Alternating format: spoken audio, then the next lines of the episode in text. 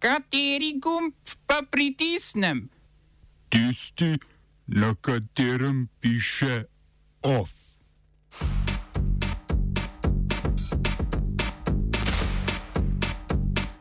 Ekvadorci izvolili novega predsednika. Kirgizistanci predsedniku razširili pristojnosti. Iranski parlament ovadil predsednika.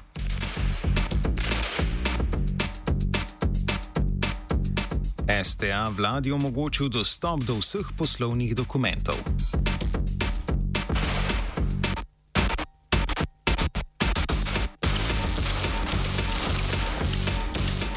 Jo!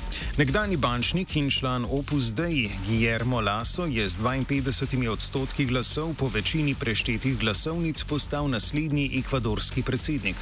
Premagal je levo usmerjenega ekonomista Andresa Arauza, ki je sicer zmagal v prvem krogu volitev. Laso bo nasledil ekonomijo šipko zaradi nizkih cen nafte ter pod vplivi varčevalnih reform, Te je v zameno za 6,5 milijardni finančni paket pomoči Mednarodnega denarnega sklada sklenil dosedani predsednik Lenin Moreno, ki tokrat ni ponovno kandidiral. Med pandemijo je pol milijona prebivalcev te 17-milijonske države izgubilo službo, tretjina pa je padla pod prak revščine.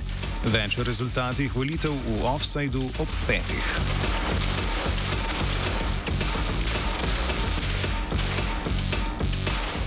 Volitve so potekale tudi v sosednjem Peruju, kjer prvi neuradni rezultati kažejo na zmago levičarskega kandidata Pedra Castilja, a je hkrati tudi jasno, da bo zmagovalca dal šele drugi krok. Več jutri.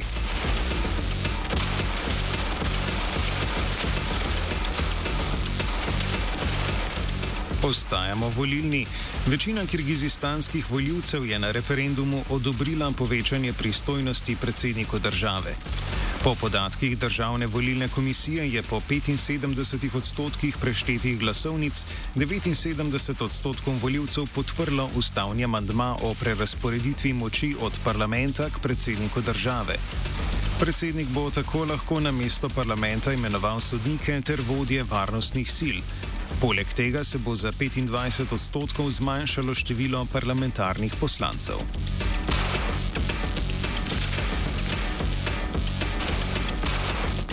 Reformo je predlagal Sodir Džaparov, potem ko je oktober 2020 postal predsednik.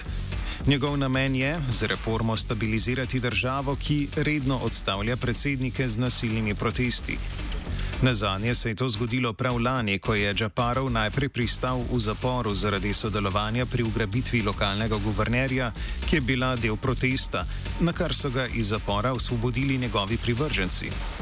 Džaparov je spodbudil proteste, zaradi katerih je tedajni predsednik Sarambaj Džebenjakov odstopil, na to pa je sam postal začasni predsednik. Januarja 2021 je močno zmagal na predsedniških volitvah. O novi ustavi je glasovalo dobrih 30 odstotkov prebivalstva, ravno dovolj, da je izid referenduma ustavno zavezujoč. Organizacija za varnost in sodelovanje v Evropi je obsodila kratek predreferendumski čas razprave o novi ustavi, tako znotraj parlamenta kot v javnosti.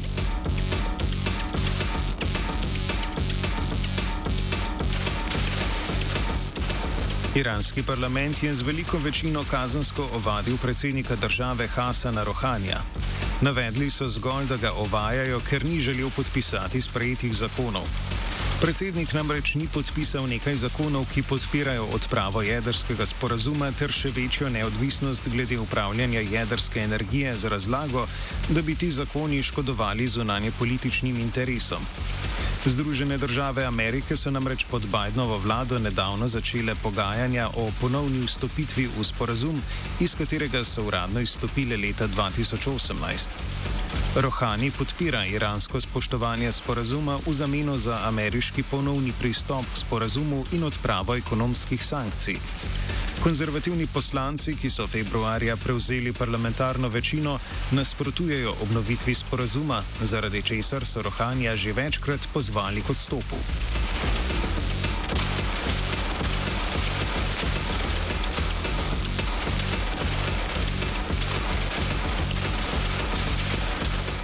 To niso bile edine jedrske preglavice rohanja ob koncu tega tedna. Iranska agencija za jedrsko energijo je oznanila, da za začasno prekinitev dovoda elektrike na jedrskem objektu v Natancu, kjer ponovem pospešeno bogatijo uran, krivi protijedrski terorizem. Bogatenje urana je sicer v nasprotju z jedrskim sporazumom iz leta 2015. Zunani minister Mohamed Javad Zarif je za okvaro okrivil Izrael. Ta je, kot pravi tudi Zarif, vendarle izjavil, da želi preprečiti odpravo ameriških sankcij nad Iranom, o katerih se ZDA in Iran sedaj pogajata. Zunani minister je napovedal, da se bodo ta pogajanja nadaljevala. Izraelska vlada obtožbe neposredno ni komentirala, je pa dovolila necenzurirano pokrivanje dogodka, če tudi nekateri izraelski mediji odgovornost za odklop elektrike v Natancu pripisujejo Mosadu.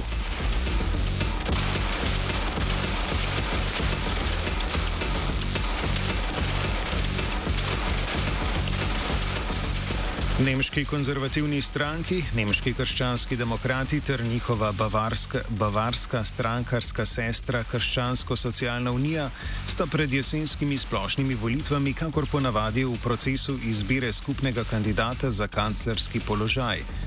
Vendar sta tokrat za spremembo vsaka stranka predlagala svojega kandidata. Predsedstvo stranke CDU, torej nemških hrščanskih demokratov, je podprlo kandidaturo predsednika stranke Armina Lašeta. Predsednik CSU Markus Söder je prav tako izrazil željo po kanclerskem položaju, a le v primeru široke podpore obeh strank, ki jo bo sedaj začel iskati. Odločitev stranke CDU sicer še ni dokončna, če tudi je bila podpora predsedstva CDU Lašetu soglasna. CDU namreč želi, da to vprašanje Lašet in Söder razrešita med seboj. Izbrani kandidat bo na septembrskih volitvah poskušal nadomestiti Angelo Merkel, ki se po 16 letih umika iz zvezdne kanclerije.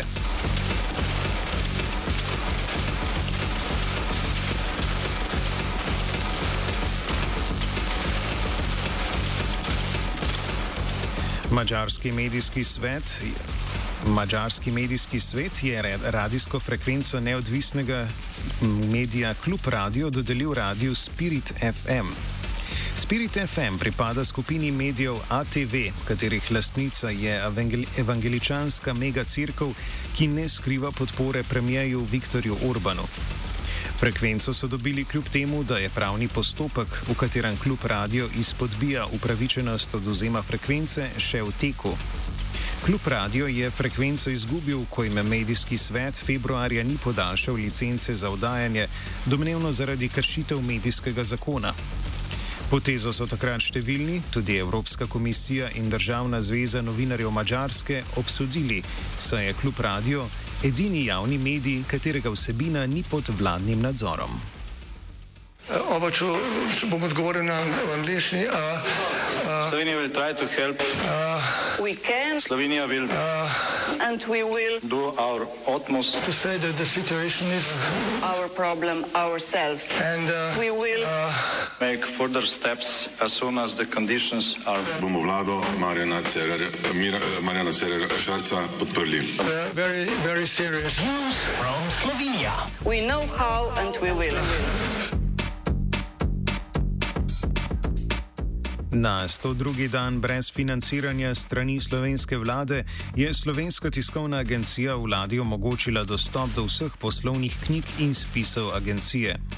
Vlada tega sicer nikoli ni zahtevala, ampak je dopise na STA pošiljal urad vlade za komuniciranje, kar je direktor STA Bojan Veselinovič ponovno označil za protipravno in hkrati vlado pozval naj odloči, komu in na kakšen način bo omogočen dostop do želene dokumentacije. Veselinovič je še zapisal, da se je za predajo dokumentacije odločil zaradi finančnega izčrpavanja STA in posledično socialne ogroženosti zaposlenih, ki, kot pravi, niso moj ujetnik, ampak bodo žrtev ravnanja vlade, ki kljub jasno določenim zakonskim obveznostim ne plačuje opravljene javne službe STA in jo na pragu 30-letnice peha v propad.